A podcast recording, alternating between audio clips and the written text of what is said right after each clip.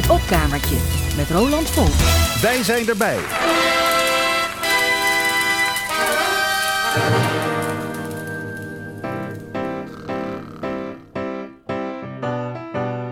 Ik was als kind altijd de makkelijke eter. Mijn moeder zei dan ook dat zij het met me trof. Ik lustte alles wat ze kookte, alleen geen Brussels lof, alleen geen Brussels lof. Ik smulde van haar erwtensoep en haar andijvie. En ook haar worteltjes gesneden fijn of grof.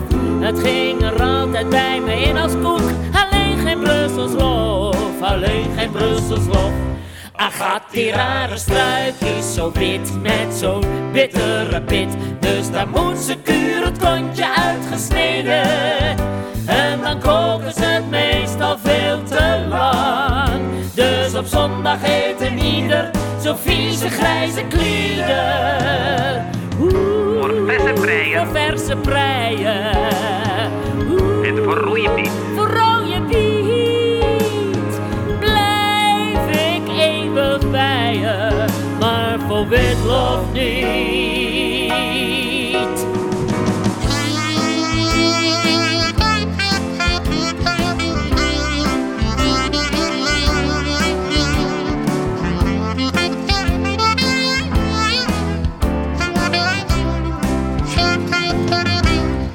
Gaat die rare struikjes zo wit met zo'n bittere pit. Dus dan moet ze kuur het kontje uitgesneden. En dan koken ze het meestal veel te lang. Dus op zondag eten ieder zo'n vieze grijze lieder. Voor bruine bonen. Bruine bonen. En voor paprika.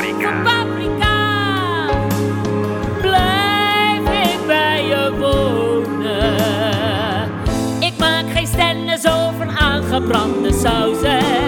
Ik klaag niet over een taaie stroganoff. Ik eet het hap voor hap heel rustig op. Alleen geen Brussels lof, alleen geen Brussels lof. Alleen geen Brussels lof, alleen geen Brussels Oh, waar blijft toch mijn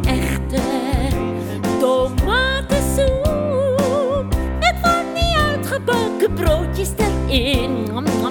Maar een lekker komkommerslaatje, dat is ook nooit weg.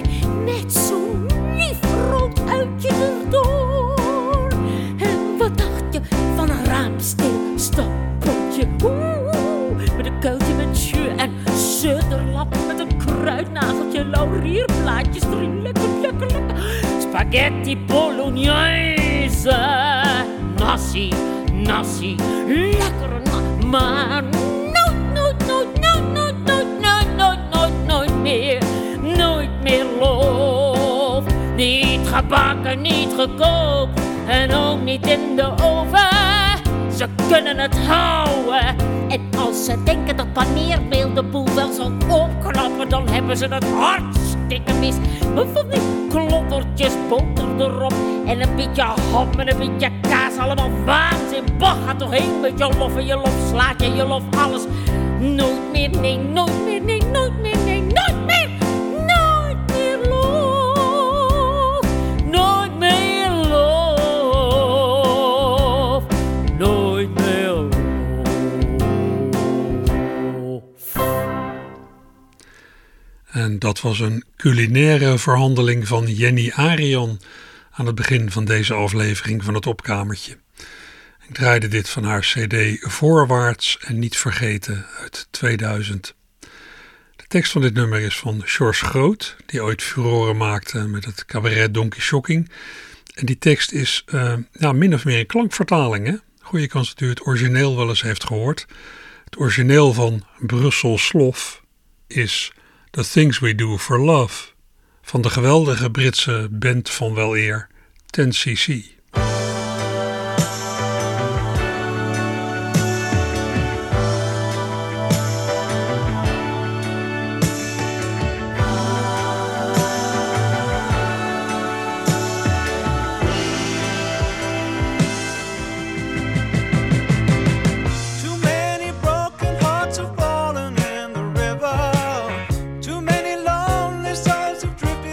to see. You lay your bets and then you pay the price. The things we do for love. The things we do for love. Communication is the problem to the answer. You've got a number and your hand is on the phone. The weather's turned and all the lines are down. The things we do for love. The things we do for love. Like walking in.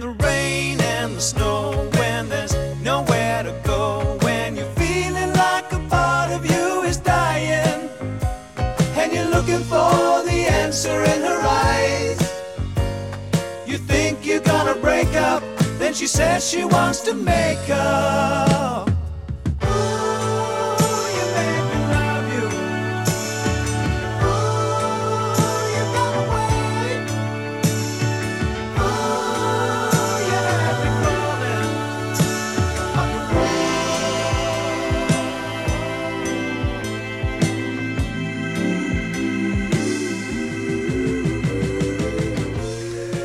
Britse band 10cc in 1976 met The Things We Do For Love. Geweldig band met meerdere fantastische liedjeschrijvers.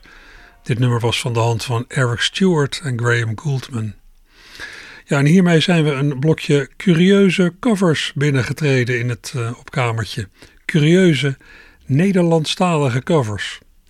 Bij de volgende draai ik eerst even een stukje van wat je als het origineel zou kunnen beschouwen. U kent het vast.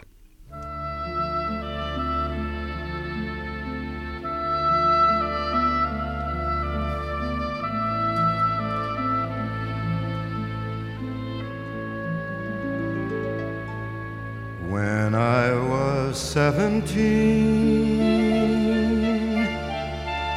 it was a very good year. It was a very good year for small town girls and soft summer nights. We'd hide from the lights on the village green. When I was seventeen.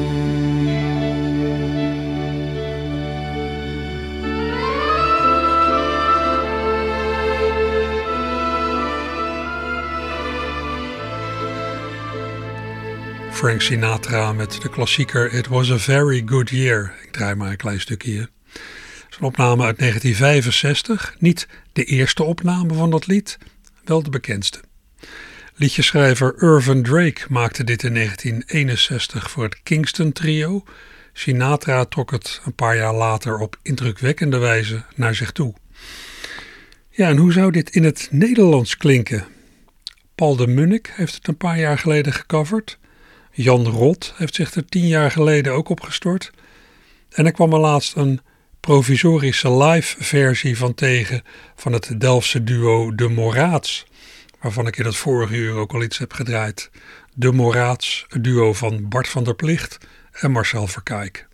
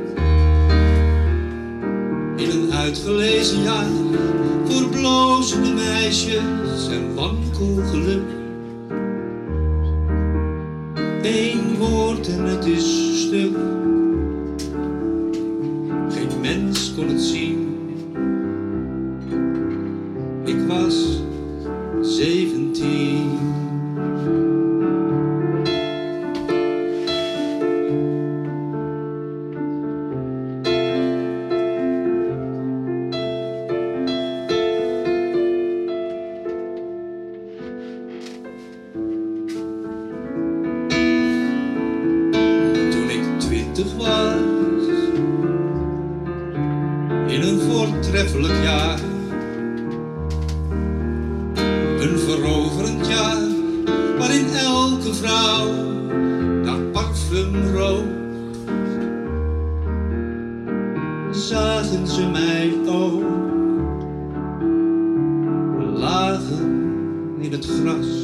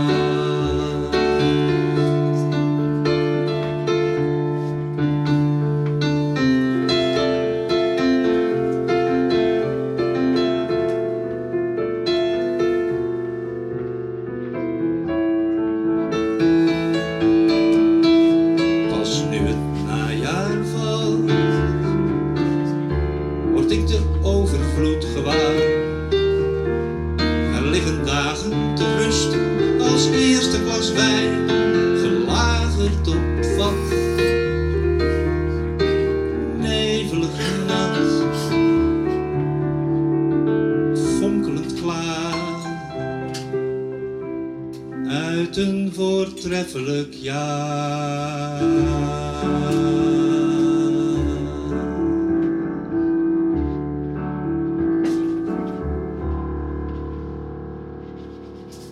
Al dus het Delftse duo De Moraats. Bart van der Plicht zang en Marcel Verkijk achter het keyboard. Een eigen Nederlandstalige versie van It Was a Very Good Year. Nou, opmerkelijk. Ja, en dan even terug naar de tweede helft van de jaren 60 en een beetje begin van de jaren 70. Wie toen jong was, zal deze tv-klanken misschien wel herkennen.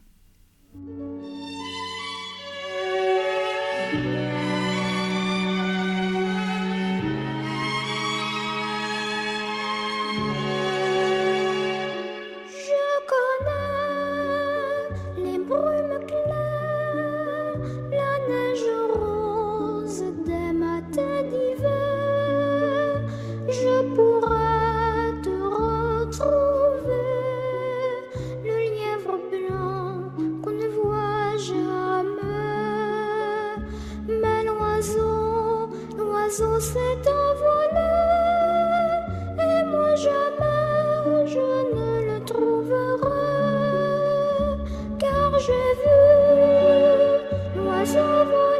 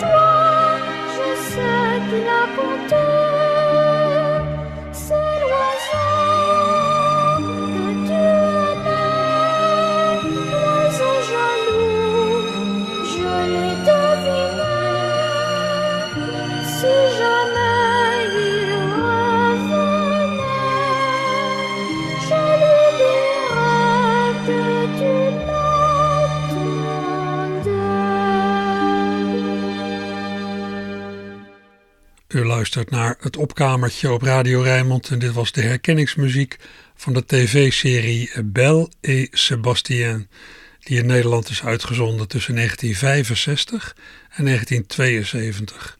En ik geloof dat er later nog wel herhalingen zijn geweest.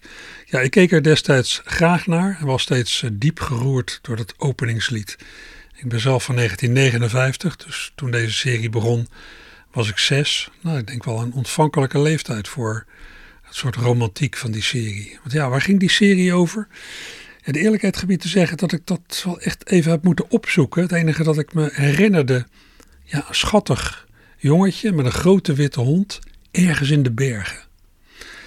Nou, op een site over oude kinder-tv-series lees ik nu, en ik lees het even voor.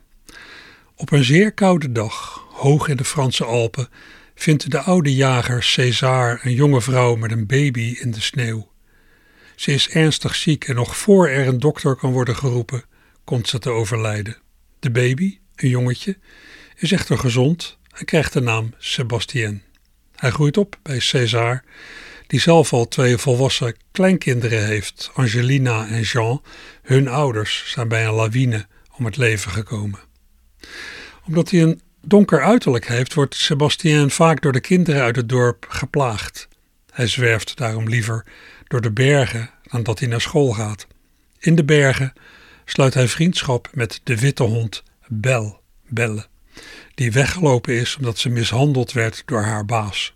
In het dorp wordt het gerucht verspreid dat Belle gevaarlijk is en moet worden afgeschoten, iets wat Sebastien natuurlijk probeert te voorkomen. Einde citaat. Nou, die afleveringen, heb ik ook gelezen, die werden steeds ingeleid door schrijfster en regisseuse Cécile Aubry. Het jongetje dat de hoofdrol speelde, ja, dat was of is haar zoontje, Mehdi El Glaoui. Hij was ook de inspiratiebron voor Aubry's verhalen. Maar dat lied aan het begin, aan het begin van die afleveringen, dat zong dat jongetje dan weer niet. Dat lied met als titel L'Oiseau, de vogel, dat werd gezongen door Bruno Victoire Polius, die later bekend zou worden als een van de prominente leden van de jongensgroep Les Poppies, de Poppies. De tekst van Loiseau die was dan weer wel van de schrijfster van de serie, Cécile Aubry, als ik het goed heb begrepen. Eric de Marsan en Daniel White tekenden voor de muziek. En die muziek is in 19 86 opgepikt door Brigitte Kaandorp. Ja, want we waren bezig met een blokje Nederlandstalige covers, weet u nog. Brigitte Kaandorp die heeft het dus in 1986 opgepikt. En ik heb even gekeken.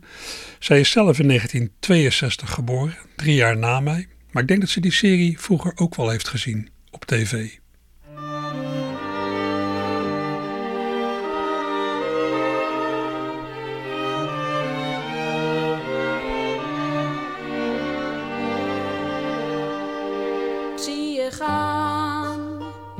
Ik roep je naam, maar jij loopt door.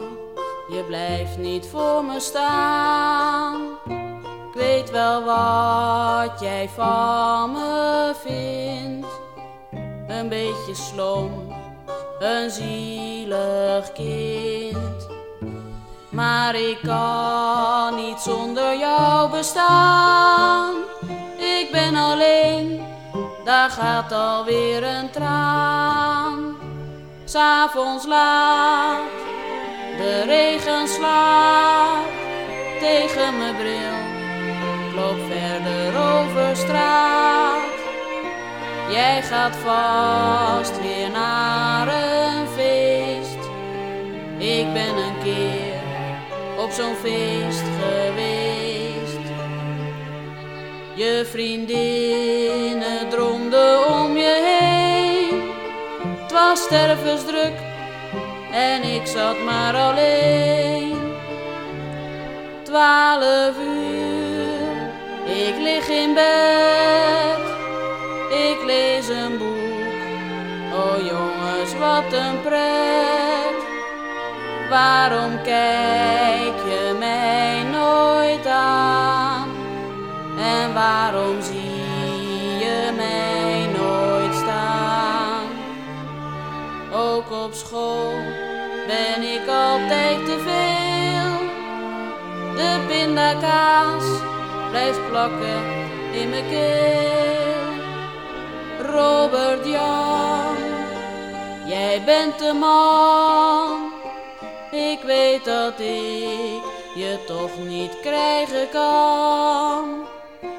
Jij verlooft je met een del. Ik maak me van kant. Robert, dank je wel.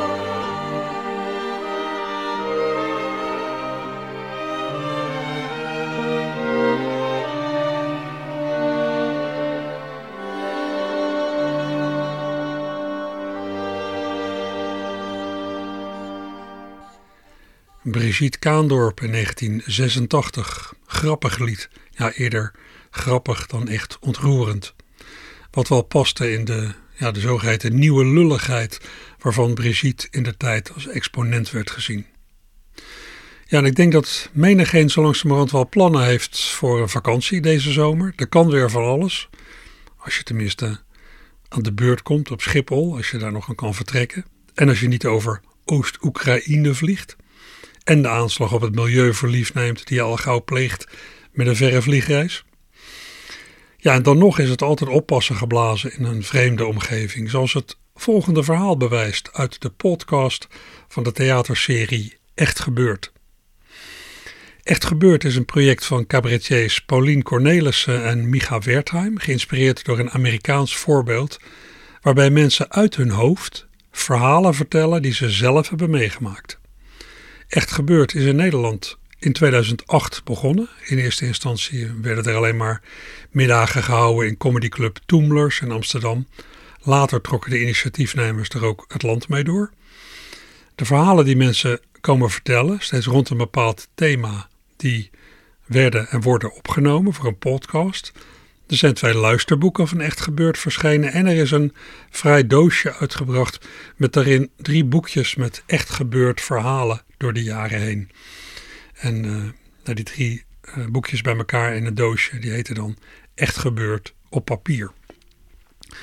Al lezend daarin heb ik verhalen uitgezocht van de podcast me wel iets lijkt voor in het opkamertje.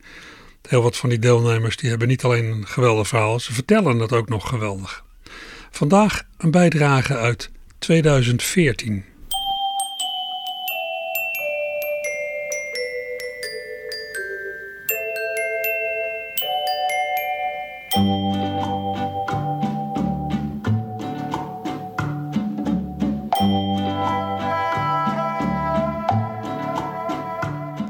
Welkom bij aflevering 75 van de Echt Gebeurd podcast, die tot stand komt met hulp van het Mediafonds. Bij Echt Gebeurd worden waargebeurde verhalen verteld door mensen die ze zelf hebben meegemaakt. Dit keer gaan we luisteren naar een verhaal van Sjoerd Hamburger en het thema van de middag was Verdwaald.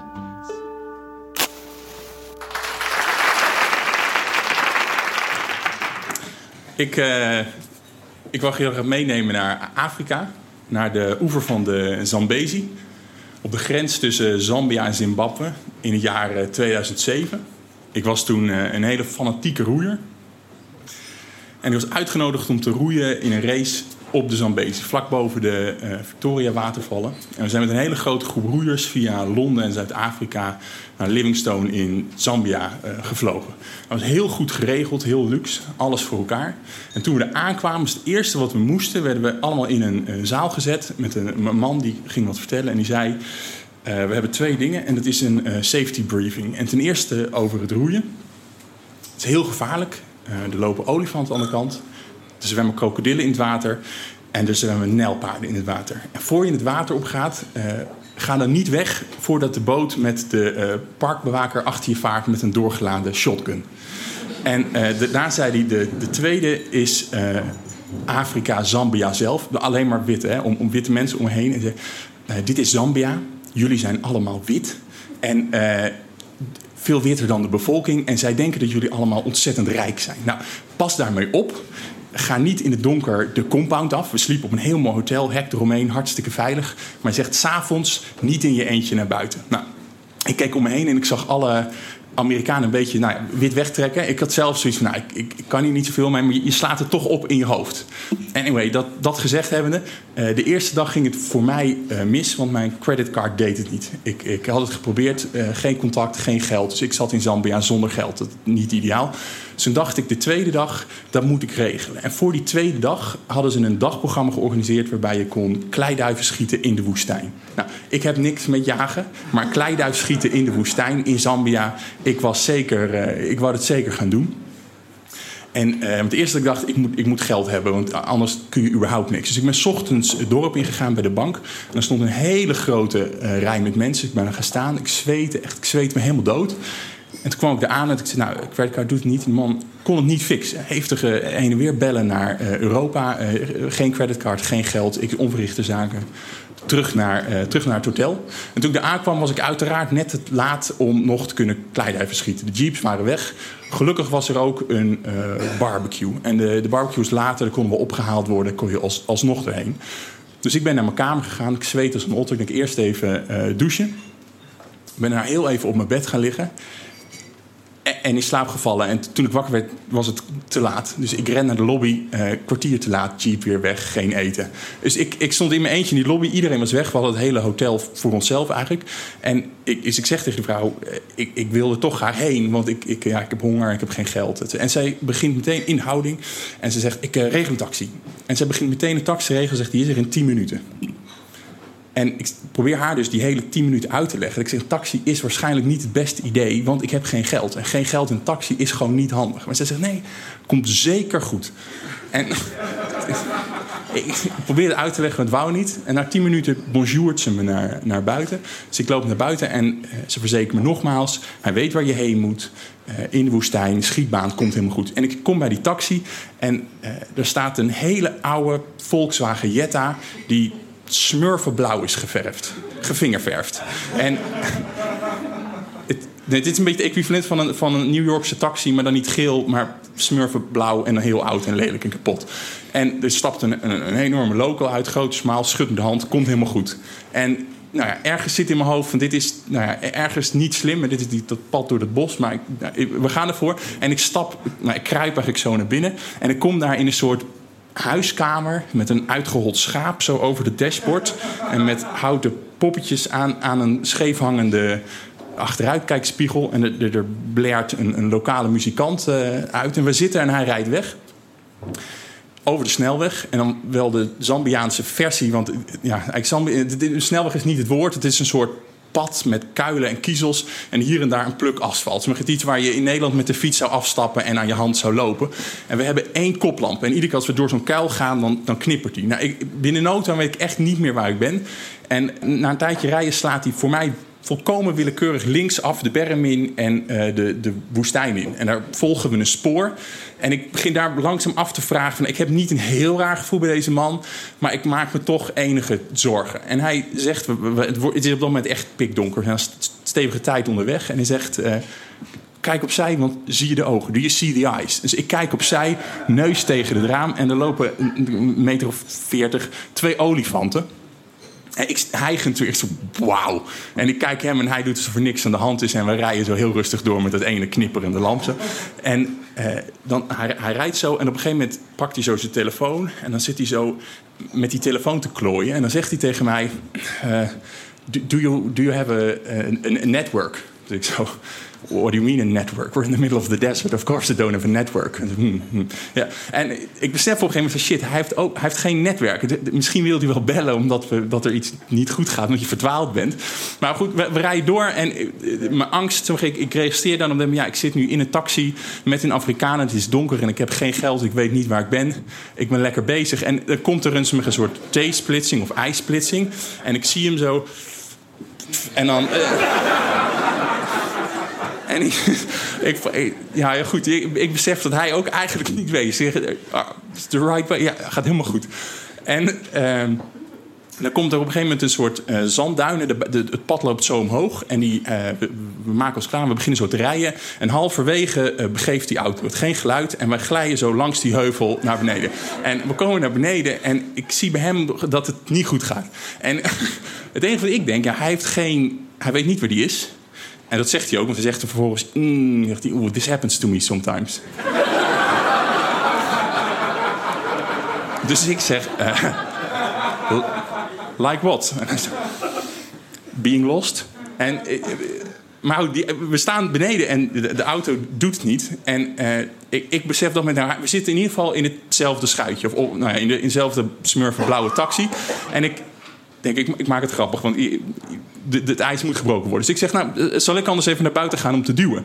Waarop hij in echte paniek, ogen groot open zegt... nee, blijf binnen, want buiten zijn de beesten. En zo, shit. Dus ik hou mijn handen van die deur af. En ik zeg, dan laat ik maar gewoon gaan zitten, want ik, we zitten in hetzelfde schuitje. En eh, wat hij dan doet, is hij, hij raakt hem, die houten poppetjes aan zijn spiegel aan. En dan eh, begint hij zo... Niks. En dan dat uitgeholde schaap, die schaapvacht, die gaat hij zo eroverheen zo. Terwijl hij ondertussen... En ik kijk hem aan. Zo. Geen geluid geen geluid. En na tien keer nog niks. En na twintig keer nog niks. Maar dan zo 34 keer opeens begint er iets te gebeuren. En kijkt hem zo aan. Zo. En dan springt die auto weer zo tot leven. En eh, nou goed, ik, weet, ik had het al lang die auto dood verklaard. We waren ruim een uur onderweg. Ik had die EEG al rechtdoor zien lopen. En eh, het enige goede is, hij zet hem op dat moment in zijn achteruit. Dus ik denk, nou goed, hè, eh, niet gelukt. Maar we kunnen in ieder geval het spoor volgen en, en terug naar huis. Maar na drie meter stapt hij op de rem. En hij zet hem in zijn één en hij ramt die, dat gaspedaal de motor in. En we vallen die duin aan en we, nou, we knallen omhoog en hij brult. En uiteindelijk halen we het net. En hij kijkt me aan zo, mhm, mijn woestijncruiser. En we komen bovenaan en ik denk, ik denk alleen maar shit, nog dieper in de woestijn. Eh, Maar ze- we, rijden zo door en op een gegeven moment eh, komen daar een, een, een, een mannetje tegen met drie ezels. Die loopt een beetje krom in zijn stok zo. En hij draait het raampje naar beneden en hij zijn hoofd naar buiten. En hij, nou ja, hij roept iets in een Afrikaans accent. En die man roept iets terug. En nou, het raampje dicht en hij kijkt naar mij. Aha, ja, knew it. En hij rijdt door. En ik hou me op dat moment stil en weet gewoon niet wat er gaat gebeuren. Maar tot mijn grote verbazing, eh, 200 meter verder, doemt daar een gigantische schietbaan op. En eh, eh, zijn we er ook daadwerkelijk aangekomen. En nou ja, we, we- stappen uit en ik, ik heb geen geld, dus ik verontschuldig me. En ik, ik denk alleen maar, we hebben het gehaald. Voor mij ligt er kudu-steak te wachten, een gnoeburger. Ik heb er ontzettend zin in. Dus ik zeg tegen die man, held als hij is... Kom gewoon lekker mee eten. Ik heb geen geld, dus alsjeblieft. En hij, nou, hij loopt naar me toe en zegt eigenlijk niks. En hij geeft me zo een high five. En hij gaat weer in zijn auto eh, zitten en rijdt weg. Niets over geld, niets over dankjewel. Alsof we niks hebben meegemaakt. En ik, ik sta daar en ik zie ze met die auto zo eh, als blauwe vlek weglopen. En ik, ik sta daar in mijn eentje en ik, ik zie die vuur en al die roeiers om die vuren heen staan. Die staan lekker te eten. En ik, ik loop daar de dinges binnen en ze kijken mij allemaal aan van... Hoe, waar kom jij vandaan? En ik, ik, probeer daar een, een zinnig verhaal te construeren hoe dat is gebeurd. En ik besef dat ik gewoon niet, dat dat niet lukt. En nou ja, goed, ik, ik, heb heerlijke koedenstuk, beste ooit gehad. Ook, ook de eerste en de laatste. Maar op de terugweg, en dat is eigenlijk het rare van het verhaal, eh, stap ik in die jeep met al die anderen. En eh, niet twee uur, maar ben ik in vijf minuten thuis. Dus geen woestijn, geen beesten, geen, geen duin. Niks. En eh, ik heb het meegemaakt. Maar nou ja, goed. Dus. eh, Het enige advies wat ik kan geven, als je ooit gewaarschuwd wordt voor Afrikanen en krokodillen, stap dan zo snel mogelijk een taxi in, want dat is zeker waar het avontuur is.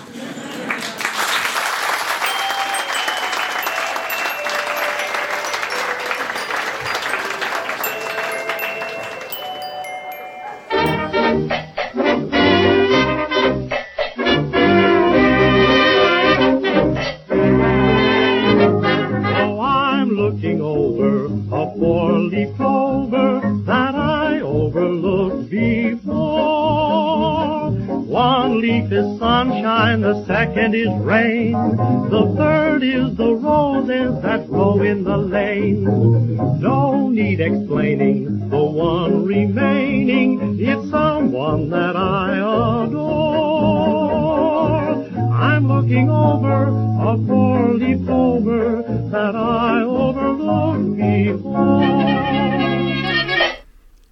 kans dat u dit nummer wel kende. Het nummer dat ik draaide na het echt gebeurd verhaal van Sjoerd Hamburger. I'm Looking Over Four Leaf Clover. Zo'n nummer uit 1927. Met tekst van Mort Dixon en muziek van Harry M. Woods. Twee Amerikaanse veel schrijvers. Denk aan uh, Tin Pan Alley. Het gaat, uh, dat lied gaat over iemand, een man lijkt me, die op zoek is naar een klavertje 4 dat hij mogelijk eerst over het hoofd heeft gezien. Een klavertje 4, ja, een klaverstengel met niet zoals gebruikelijk drie, maar vier blaadjes. Uh, ja, wat geluk zou brengen. Het is natuurlijk een metafoor voor de liefde. De, de ik-figuur uit het lied zoekt naar een meisje dat hij misschien alles is tegengekomen, maar waarin hij iets over het hoofd heeft gezien. Al meteen in het jaar waarin het lied werd geschreven, in 1927 dus, werd het populair. En dat in meerdere uitvoeringen. In de uitvoering van Ben Burney en zijn orkest met zang van Scrappy Lambert, waarvan u net een door mij ingekorte versie hoorde. En ook in de uitvoering van de Amerikaanse zanger en gitaarpionier Nick Lucas.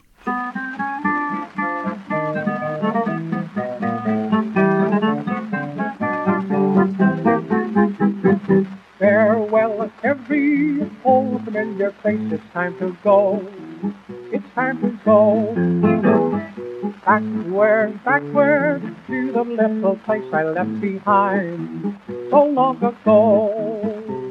Oh, watch Mr. Casey Jones carry this lazy bones. I should arrive in the day. Only wait till I communicate. Here's just what I'll say. I'm looking over a four-leaf clover that I overlooked before. One leaf is sunshine, the second is rain. Third are the roses that grow in the lane. No need complaining, the one remaining is someone that I adore. I'm looking over a all these over that I overlooked before.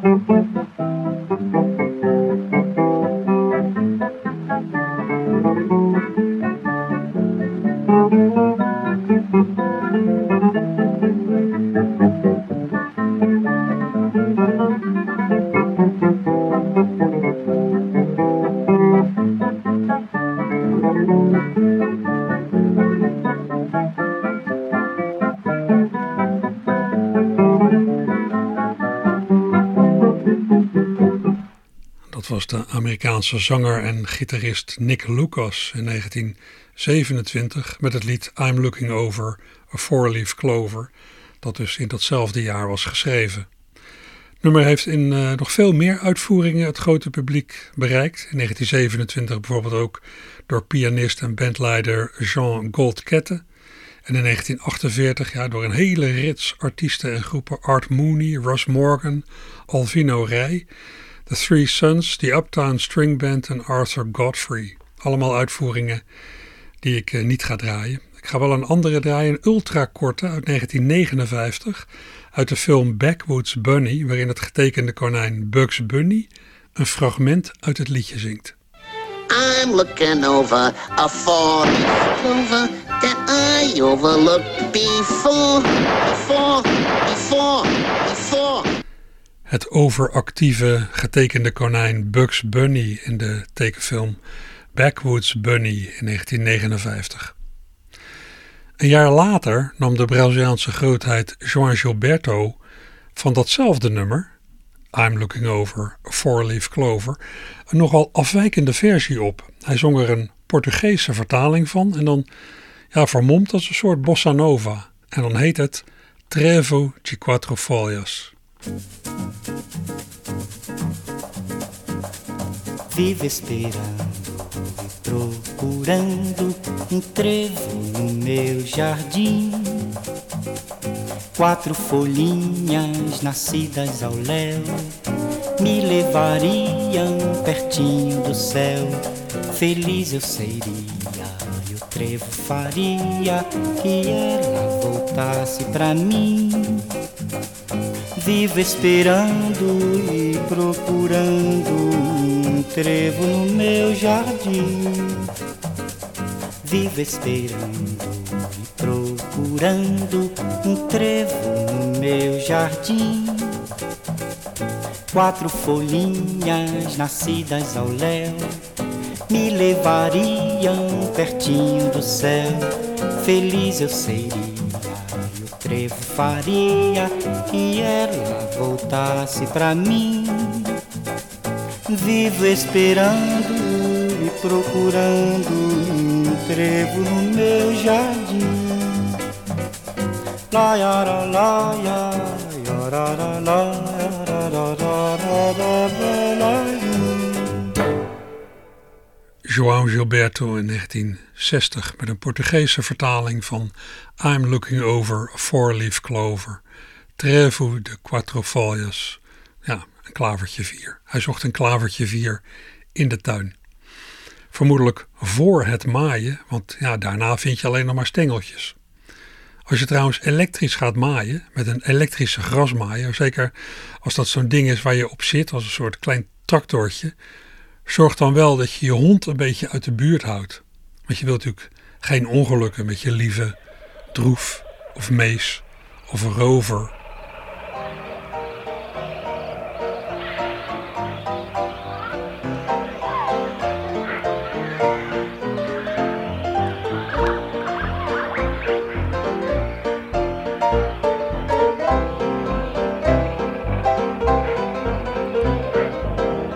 What a beautiful day in lovely Altadena. Hardly any smog in sight. I think I'll try out my new garden power mower and mow the lawn. Up. Take take that dog away. Take that dog out of the way. He'll get run down by the mower. Oh no, over my house. I'm looking over my dead dog Rover who got hit by my power mower. One leg is missing, the other is gone. The third leg is scattered all over the lawn. No need explaining, the one leg remaining is spinning on the carport floor. I'm looking over my dead dog Rover, and the whole thing's a f***ing bore. Oh God, what a mess! Oh, all over my lovely new jumpsuit too. My dog's not eating, he no longer barks. He hit the propeller and turned into sparks. No need explaining, there's no dog remaining. He's part of the grass and the yard.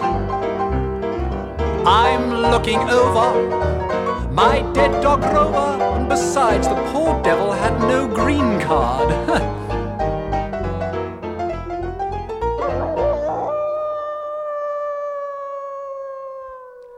En dat was de Britse zanger Ian Whitcomb, die twee jaar geleden overleed. Heel veel jaren na zijn zogenaamde hond Rover. Wat u hoorde was een opname uit 1977, een novelty-achtige opname ja, die duidelijk teruggreep op muziek van lang vervlogen tijden. Dat soort exercities kom je in alle tijden tegen. Retro muziek, muziek die teruggrijpt op ja, klanken uit periodes daarvoor. Een jaar na die verhandeling over My Dead Dog Rover klonk bijvoorbeeld het volgende op de radio. Iets dat teruggreep op de jaren 40 en 50 of misschien wel nou, nog vroegere jaren, maar dan aangekleed met een disco beat.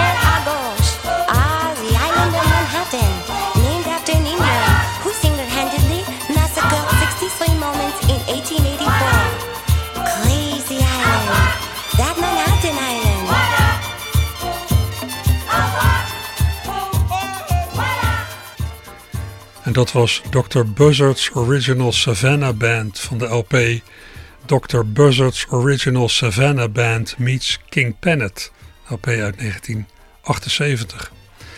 Die band was een project van Stoney en Thomas Boder, twee halfbroers uit de Bronx in New York die disco beats gingen combineren met ritmes van genres als calypso, rumba en cha-cha-cha. Ja, en dat dan aangekleed met een hele batterij aan blazers en uh, fijne jazzharmonieën. We gaan zo langzamerhand uh, naar het einde en ik eindig dit uur van het opkamertje met nog een versie van I'm Looking Over a Four-Leaf Clover. Een versie nu van de Amerikaanse jazz-saxofonist Coleman Hawkins uit 1962. Ik zou zeggen nog een prettige verdere zondag met wat u ook gaat doen. Jo.